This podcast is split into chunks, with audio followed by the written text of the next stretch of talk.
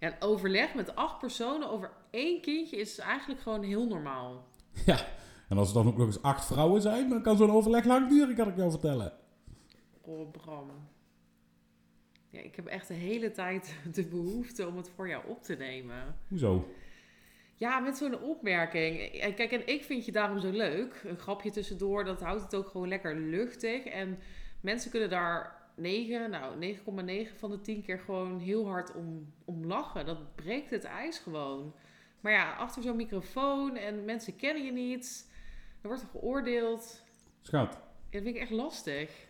Ja, maar het is echt eh, heel lief van je. Maar eh, echt absoluut niet nodig. Oké. Gezinshuizen. Wat zijn dat? Wie wonen daar? Bram en Brit delen graag als gezinshuisouders om de week hun verhalen over de jeugdzorg. Open en eerlijk.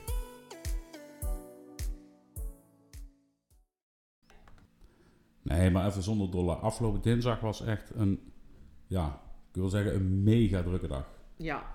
S ochtends eh, moest ik naar de evaluatie op de peuterrevalidatie. mhm. Toen moest ik daarna snel naar huis.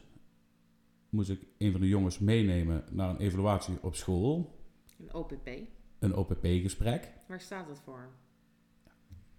ik weet het eigenlijk ook niet. Ja, gewoon een rapportgesprek noem ik het altijd. ontwikkelingsplan, Ja, zoiets. nog iets. Vanuit daar moest ik gelijk met een van de jongens naar de kinderarts. Mhm.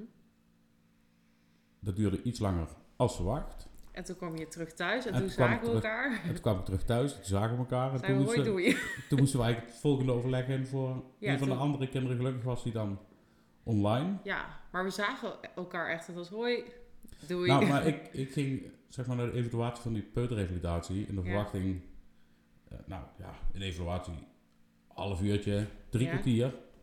Maar ehm, ja, ik werd opgehaald uit de wachtruimte en ik kwam die ruimte binnen en daar zat een revalidatiearts, een logopediste, een ergotherapeute, een fysiotherapeute, een eh orthopedagoog, een maatschappelijk werker en een, not en een Ja, notulist. ja. En toen dacht ik, oh jee, dat gaat geen half uur duren dit. Nee. En we hadden het erover, waar gaat de podcast van deze week over? En toen zei hij van, nou, hier wil ik het eigenlijk wel over hebben. Nou ja, ik- ja weet je, soms staat er gewoon, ook als je dan zo'n ruimte binnenkomt, sta je gewoon te kijken, oh ja, met zoveel mensen heb ik dus te maken vandaag. Ja, En niet alleen vandaag, gewoon eigenlijk altijd. Alleen als ze dan allemaal in één ruimte zitten, Mhm. is iets anders dan dat je via een oefenportaal of eh, via welk portaal dan ook communiceert. En dan zijn ze allemaal afzonderlijk. Dus ehm, ja, het zijn zoveel mensen. Hè? ja mensen denken vaak, ja, we zorgen voor de kinderen. Ja, dat is natuurlijk ook, dat is eh, prio nummer één. Maar eh, mensen hebben echt geen idee met wie we allemaal te maken hebben. Nee.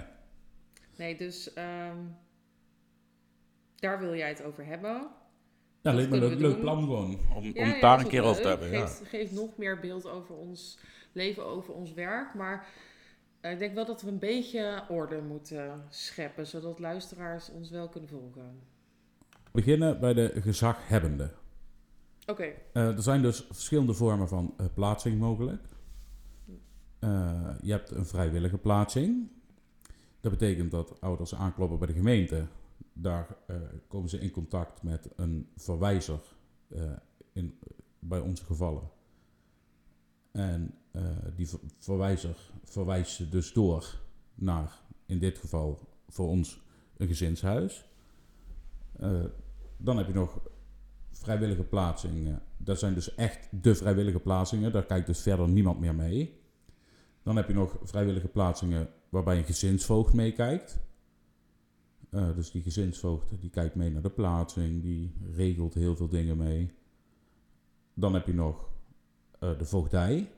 ja, wat, dus jij bedoelt eigenlijk dat als een ouder tegen problemen aanloopt, toch? Dat je dan Ja. aanklopt bij, nou ja, in dit geval meestal bij een gemeente of een consultatiebureau waar het balletje begint te rollen. Maar in ieder geval, Ja. uiteindelijk komen ze bij Centrum Jeugd en Gezin uit. En dan kiezen ouders er zelf voor van eh, dit gaat niet meer en ik heb hulp nodig. En dan is zo'n Ja, en dan zijn er natuurlijk altijd eerst trajecten die thuis Ja. gaan lopen en dat soort dingen. ja, ja, maar dus dan uit- kijken er heel veel mensen mee. ja, En maar dan, zo'n ja, verwijzer verwijst dus, hè, bijvoorbeeld wat je zei naar een gezinshuis. En als het een vrijwillige plaatsing blijft, dus daar gaat geen gezinsvoogd meekijken, niet iemand waar, waar de rechter over eh, iets Bes- over bes- ja. eh, besloten heeft, dan ehm, beschikt zo'n verwijzer voor gezinshuiszorg ja, als dat nodig is. als dat nodig is. Maar die blijft wel meer op de achtergrond, maar wel betrokken. Ja, ja Ouders beslissen. kijken wel ieder jaar mee. Omdat die beschikking moet ieder jaar opnieuw bekeken worden en verlengd worden. Ja, en wij vinden het wel. Wij hebben twee vrijwillige plaatsingen. Ja. Ja, en wij vinden het wel echt heel erg fijn als een verwijzer bij de We halfjaarlijkse. hebben er drie trouwens. Drie. Bij de eh, evaluaties. Ja, oké, maar eentje waar wel een gezinsvoogd bij kijkt. Ja. Bij meekijkt. Ja, maar is wel vrijwillige plaatsing. Ja, dat is zo, maar wel iets anders. Maar dat leg je zo wel uit. Ehm, wij vinden het wel fijn als zo'n verwijzer bij de evaluatie erbij zit. Ook al beslissen ouders, hè. Het is fijn als de gemeente erbij zit. Ja, zeker. Toch? zeker ja. Oké, dus vrijwillige plaatsing, verwijzers, ja. Nou ja, dan heb je de, de gezinsvoogd die dan meekijkt met de ouders. eh, om de juiste beslissingen te nemen voor hun kind. Ja, maar dan heeft er wel iemand... Dan heeft er wel... Heeft dan moet een rechter, een rechter moet dat toekennen. uitspreken, ja. Maar een ouder blijft gezaghebbende, dus voor een handtekening, even zo kort door, kort door de bocht gezegd. Heb je altijd de ouders Ja. nodig. Ja. Maar we hebben ook wel een keer meegemaakt vroeger, vroeger, dat, ehm, dat dat zo was. En vrijwillige, vrijwillige plaatsing met een gezinsvoogd.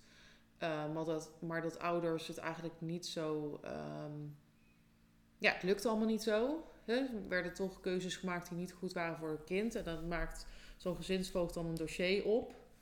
En deze gezinsvoogd is uiteindelijk met dat hele dossier dat hebben ze natuurlijk ook kenbaar gemaakt aan de ouders, naar de rechter gestapt en toen is het uiteindelijk een voogdij geworden. Ja. Dus het is niet een vrijblijvende buddy of zo die aan je vasthangt. Het is wel echt iemand vanuit de overheid. Het is al echt een maatregel. Het is echt een maatregel, ja. Ja. Ja, dan heb je natuurlijk... eh, waar de voogden vandaan komen, heb je de jeugdbeschermingsorganisaties.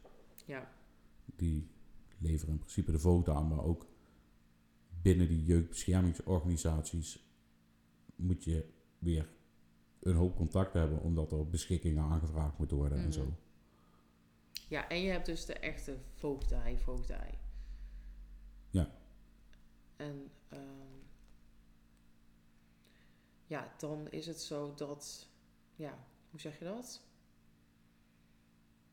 Dan, dan beslist de voogd.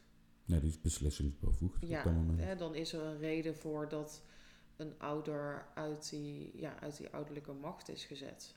Ja, en dat kan eh, soms heel fijn zijn, omdat je soms met ouders eh, problemen kunt hebben,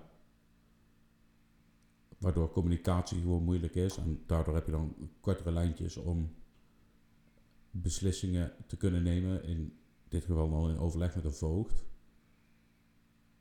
Ja, Eh, maar wij, hebben gelukkig, wij zijn gelukkig in de situatie dat eigenlijk alle ouders waarmee wij te maken hebben, zijn ehm, vrij meewerkend.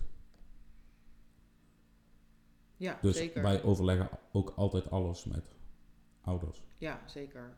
Ja, en het is ook niet zo dat je dan heel, dat je denkt van nou, ehm, we zijn het niet met elkaar eens en eh, we praten alleen maar met een voogd. Hè. Zo is het zeker niet. Maar je moet je eigenlijk voorstellen, er kunnen ook situaties zijn waar ehm, er één ouder in beeld is, of misschien alle twee, en dat er sprake is van ehm, dat een van de twee in de gevangenis zit of verslaafd is aan verdovende middelen dat, dat er ook niet echt een mogelijkheid is tot ehm, contact of eh, overleg. Hè?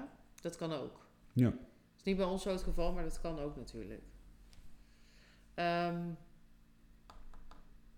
Nou ja, je noemde het net al even met de jeugdbeschermingsorganisatie, waar wij dan wel eens mee te maken hebben, zijn gedragswetenschappers. We hebben natuurlijk onze eigen gedragswetenschapper, die eh, verbonden is aan ons gezinshuis en die we één keer in de twee weken hebben online een meeting mee en één keer in de twee weken komt zij hier. En zij volgt gewoon, hè, was vaak uitgelegd, onze kinderen. En uh, is heel erg nauw betrokken bij het matchingsproces. Um, volgt het gedrag van de kinderen. Adviseert ons. Zit bij belangrijke gesprekken. Maar de jeugdbeschermingsorganisaties waar wij mee te maken hebben, die hebben ook eigen gedragswetenschappers in dienst. Dus daar hebben we ook wel eens overleg mee. Of met die van hen en van ons samen. Om gewoon in een groot MDO te kijken van ja, waar staan we nu ergens? Wat zijn zorgen? Wat is nodig? We hebben ook te maken met plaatsingscoördinators. Hè? Ja. Die, um, ja, als er zo'n aanmelding ligt, dan kijkt zo'n coördinator mee van ja, wat is nu de beste plek en welke stappen moeten daarvoor gezet worden. Die werkt dan weer heel nauw samen met de voogden. Um, ja, wat nog meer, waar we nog meer mee te maken?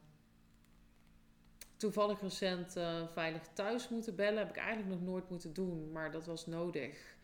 En dan moeten wij de afdeling Veilig Thuis voor Professionals bellen. Um, dan heb je nog um, de bescherm, beschermtafel. Hè? Dat kan ook een onderdeel zijn waar je mee te maken hebt dat is eigenlijk een, um, ja, een team wat bij elkaar wordt geroepen om samen in gesprek te gaan over de groei en veiligheid van het kind. Om ja, te voorkomen dat er dingen uit de hand gaan lopen. Um, dat wordt niet, deze tafel wordt niet geraadpleegd vanuit ons verzoek, maar dat, dat wordt bijvoorbeeld gedaan door verwijzer. Um, omdat bijvoorbeeld een gezinssituatie onveilig is. En um, dus daar zitten alle betrokkenen aan tafel. Ook, ook, iemand van de Raad voor de Kinderbescherming. En nou, dan wordt, moeten er allerlei gegevens worden aangeleverd, worden moeilijke gesprekken gevoerd om uiteindelijk te gaan kijken van ja, ligt er genoeg? Zijn er genoeg zorgen om ermee um, ja, naar de Raad voor de Kinderbescherming te gaan. Om echt verdere stappen onder te, te ondernemen. En misschien uiteindelijk wel dat er een, een rechtszaak komt. Om er misschien voor te zorgen dat er een OTS komt. En dat is een onder toezichtstelling of een UHP, een uithuisplaatsing. En um, nou, er zijn dus allemaal instanties daar, die daar gegevens over aanleveren. En dan is het uiteindelijk natuurlijk aan de rechter die beslist of dat nodig is. Nou goed, als je het dan hebt over de, de raad, ik kan me nog eh, herinneren dat wij daar, denk ik, tot nu toe drie of vier keer aan de hand hebben gehad. Mm Dat de Raad van de Kinderbescherming gaat dan een onderzoek doen ja. Ehm, naar de woonsituatie van een kind. Mm En die komen dan, de kinderen waren dan inmiddels al hier geplaatst. Uh, maar was de vraag, kan zo'n kind nog uh, eventueel terug naar huis? Mm dus dan komt iemand van de raad komt een onderzoek doen en die komt dan drie of vier keer hier met het kind praten, met ons praten, met de voogd praten. Ja, ouders. Daar wordt een verslag van gemaakt. Dus ook daar, voordat je daar bent, zijn situaties al zo uitgeplozen, ja. uitgepluist bedoel ik. Uitgeplozen is een beetje plat. Ja, dus het kan bijvoorbeeld zo gaan dat er een melding wordt gemaakt bij um, Veilig Thuis. En Veilig Thuis neemt ook contact op met de gemeente, met Centrum Jeugd en Gezin. En, en die speelt dan eigenlijk een belangrijke sleutelpositie. Die gaat bijvoorbeeld als er veel zorgen zijn, zo'n beschermtafel bij elkaar roepen het is zelfs zo dat gemeentes vaak iedere twee weken wel zo'n uh, um, gesprek hebben. En um, daar zit dus een vertegenwoordiger bij van de Raad voor de Kinderbescherming. Eventueel al een raadsonderzoeker, de voorzitter van de tafel, secretaris. Um, ook een ouder. Om te kijken, ja, wat is nu eigenlijk het beste als het gaat om de veiligheid. Ja. Nou, en dat hebben we een paar keer aan de orde gehad. En nu recent dus ook. Ja, dat zijn altijd wel, ik vind het wel spannende dingen. Ja, En ook wel eens bij een rechtbank geweest. Dan heb je natuurlijk ook te maken met een advocaat als een ouder daar een beroep op doet. Ja. Ehm, dus ja, alle dossiers die er, alle, alle gespreksverslagen, ja, is veel. ja dat is gewoon eh, veel werk. Ja, Ja, ja, en ook al heel dynamisch in je werk. Want eh, ik zeg wel eens tegen mensen van... je moet echt, vind ik, als je in de jeugdzorg werkt... dan moet je het in je hebben om op allerlei verschillende ehm, manieren, niveaus... Je, je bent continu aan het kijken... Ja, je hebt continu andere mensen voor je en hoe je dan het gesprek aangaat. Als ik een gesprek met de ouder heb, dan denk ik gewoon heel veel vanuit... Ja, ik ben zelf natuurlijk ook moeder ja, vanuit die, die, die liefde voor je kind. En, en, en daar, vanuit daar proberen mee te denken. En, en je kan je dan heel goed invoelen in een ouder. En dan probeer je samen gewoon een, hè, een weg uit te stippelen.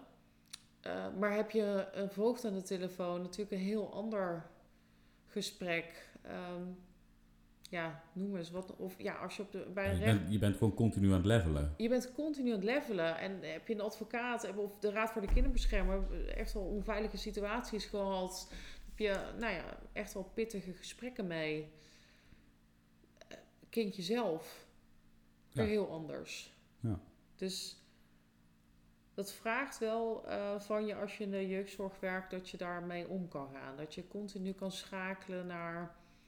Ja, wat wordt er nu van mij verwacht? Welke rol neem ik aan? Wat is mijn positie? Wat is de positie van de ander? Ja, en dat maakt het zo leuk om met al die verschillende disciplines samen te werken. De ene keer doe je het één op één. De andere keer eh, zit je in een overleg met iedereen erbij. Ja. En eh, dan vind ik het inderdaad wel eens leuk om een grapje tussendoor te maken. Ja, dat doe jij. Ehm, maar vind ik ook wel leuk. Ja. Ik vind dat heel leuk. Ja. Ehm, ja, wat nog meer? Jeetje, volgens mij zijn we er nog lang niet. Dan heb je school. School, School heel belangrijk. Of eh, kinderdagverblijf. Ja, kinderdagverblijf. Nou, dan heb je niet alleen een docent. Eh, bijna al onze kinderen gaan naar speciaal onderwijs. Dus dan heb je ehm, vaak ook nog met meerdere docenten te maken. Ja. Ehm, orthopedagoog. Uit de pedagoog van school. Wie zei je net nog meer? Een IB'er. Ja. Ja. Ehm, ja, dat, dat vraagt gewoon veel van je. Veel contacten. Als ik, altijd als ik een mailtje maak, moet ik ook heel goed nadenken van... Wie hoort bij wie? Wie moet erbij? Ja, nee, goed, ja. Je zegt, daar, met die randzaken, of randzaken, het zijn natuurlijk hele belangrijke dingen, eh, ben je gewoon heel druk. Als ik kijk naar een van onze jongens die dan naar de revalidatiekliniek gaat, Mhm. de logopedist heeft een vraag, daar moet je antwoord op geven. De ergotherapeut heeft een vraag, daar moet je antwoord op geven. De fysiotherapeut heeft een vraag, daar moet beantwoord worden. De activiteitenbegeleider heeft een vraag, daar moet op geantwoord worden. De ehm, revalidatiearts heeft een vraag, die moet Ja. beantwoord worden. Dan moet er ondertussen honderd dingen geregeld worden. Mhm. En dat is gewoon waar je heel druk mee bent. Maar wat, wat het ook gewoon heel leuk maakt. Ja. Ja, en ik vind het ook altijd wel een krachtig gevoel geven. Hè? Dat je zo betekenisvol dat je met zo'n team om het kindje heen staat. Ja, we pas nog eh, bij, de, bij het E-team geweest. Ja. Bij de kinderarts geweest. Die ons weer doorverwezen heeft naar de kinderchirurg. En zo ben je... eh, zo, ja, je ontmoet gewoon heel veel verschillende disciplines. En, en je leert er gewoon zelf ook heel veel van. Ja, want we zijn dus bij dit kindje dan zorgen over eh, inname van voedsel. Ja. Of dat wel goed gaat. Nee, En dan leer je van een logopedist echt heel veel. ja, Die hebben zoveel kennis over de hele mondmotoriek. de hele eh, mondmotoriek en, en alles. ehm, dat je daar toch iedere keer weer verbaasd van staat. Oh, Ja, Het- het werkt zo in dit geval. Terwijl voor ons is het natuurlijk heel normaal Mhm. om te kunnen eten, om te kunnen drinken. Daar hoef je niet eens over na te denken, dat doe je gewoon. Ja. Nu moet ik wel zeggen, als je kijkt naar kinderen die in gezinshuizen komen te wonen, dat zijn veelal kinderen met gedragsproblematiek. Hè?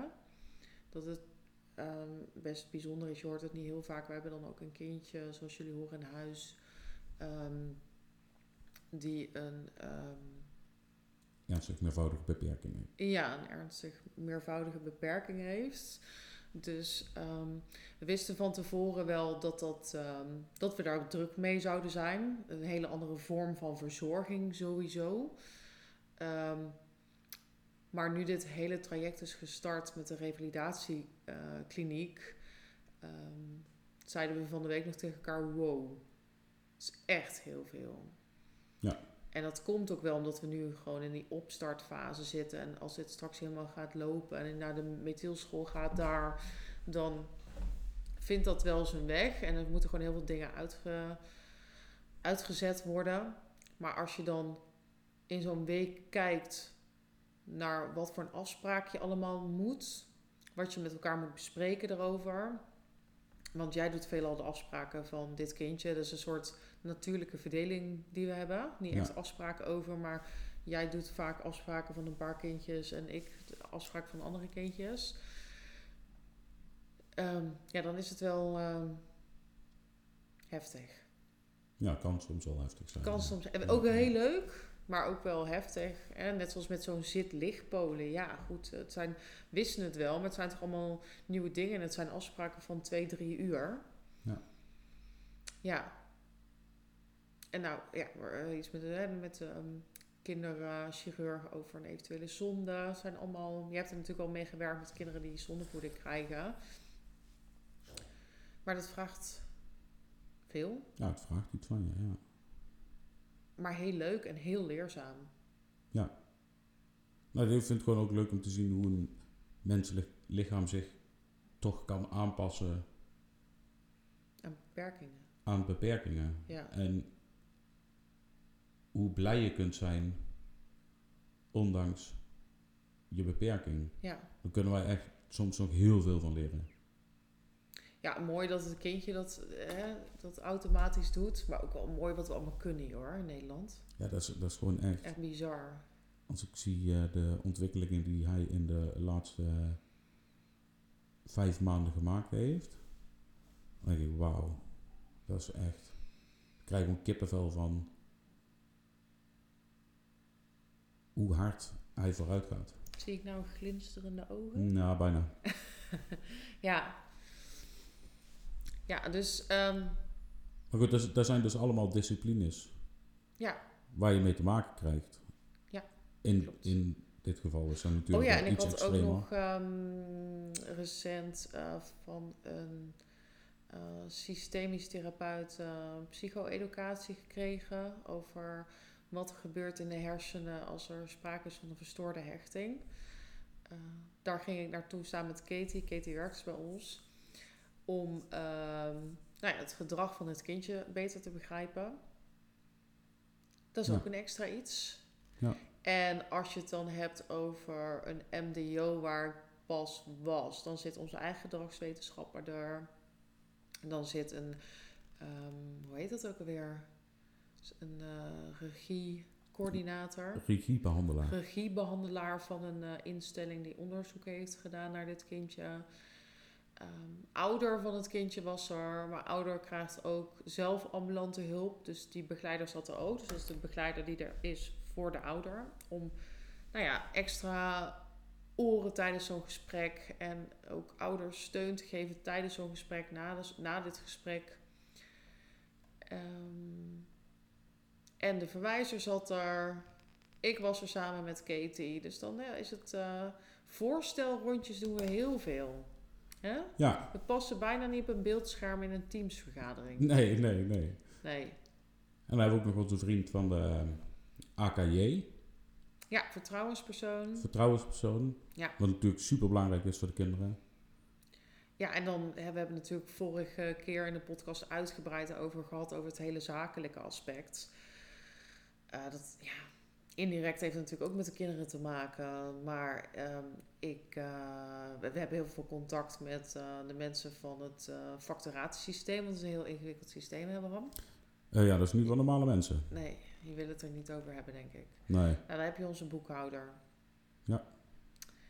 Ehm, sinds Katie hier werkt, zijn we natuurlijk ook werkgever. Dat vraagt van jezelf ook een hele andere rol. Ja. Dus je hebt te maken met een personeelsbureau. We hebben een coach, die komt morgen vroeg. Om even een aantal dingen waar we mee bezig zijn uit te stippelen. Ja. Dus ons sociaal leven is zeg maar min 10. Ja, meestal wel. Want- Maar gelukkig komt dit weekend carnaval. Ja, dat is zo. Kunnen we er weer gaan werken. Ja. ja, ik zei vandaag tegen onze eh, trainer met sporten van... eh, jij bent zo'n... Het is heel zielig klinkt. Jij bent zo'n beetje ons enige sociale aspect soms. Want ja, we leven natuurlijk zo op ons eigen eilandje. Is ook een keuze. Je kan echt wel als gezinshuisouder gewoon een rijk sociaal leven hebben. Maar nou, dit is gewoon... Wij zijn wel echte huismussen, hè? Ja, en als je zoals eh, vandaag en eh, dinsdag eh, zes, zeven afspraken hebt gehad buiten de deur. Is ook geen tijd.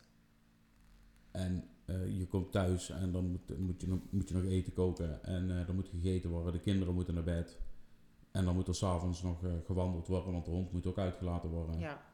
En dan moet er toch een wasje gedraaid worden. En dan moet Ja. was gevouwen worden. Ja, dan is het vaak s'avonds eh half tien, tien uur je een keer zit. Ja, Dan ga ik niet nog de deur uit. nee.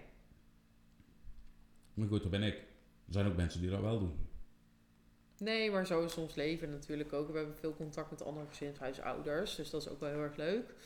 Ehm, maar qua ehm, werk is het gewoon, eh, ja, vooral zijn het juist heel veel mensen. Wat gewoon heel veel. Nou daar, daar moet je echt in rollen, daar moet je draai in vinden. Je moet iedereen leren kennen. Er komen vaak steeds meer mensen bij. Soms ook wel heel erg lastig als een kindje hier niet meer woont. Om ook weer, bijna weer moeilijk om eh, afscheid te nemen van al die mensen. Want je bouwt echt een band op. Omdat je met elkaar zo betrokken bent om het allerbeste te doen voor het kind. Ja, zeker. Ja. Denk je dat we het zo... eh Nou, we hebben het een heel eind eh, Ja, wel hè? gehad volgens mij. Ja. We hebben niet zo'n lange aflevering deze week. Nee? Nee. Nou. Ben je er blij mee? Dat is ook wel eens lekker, toch? Ja, is ook wel eens lekker, ja. Morgen? Drukke dag? Ja. Ja. Iedere dag. Coach. En we hebben natuurlijk carnaval. En we gaan meedoen met de carnavalsoptocht. Met de jeugdoptocht. Met het hele gezinshuis. We gaan er niet te veel over verklappen natuurlijk. Ehm, je kunt het zien op Instagram. Zondag. Dus daar zijn we nu ook heel druk mee. Hè? Met de act instuderen. En eh, ja, kinderen vinden het super spannend. Maar ook heel, heel, heel erg leuk. Ja, en dan niet te vergeten, hè, Ja? dat ik Ja, maar moet je niet vertellen wat je gaat doen? als mascotte, Nee joh. Nee? Je hebt een, je hebt een verrassingsoptreden. oh, ik heb een verrassingsoptreden. Moet ik ook nog instuderen? Ja, moet je ook nog instuderen. Nou, eh, ik duik mijn bed in. Houdoe!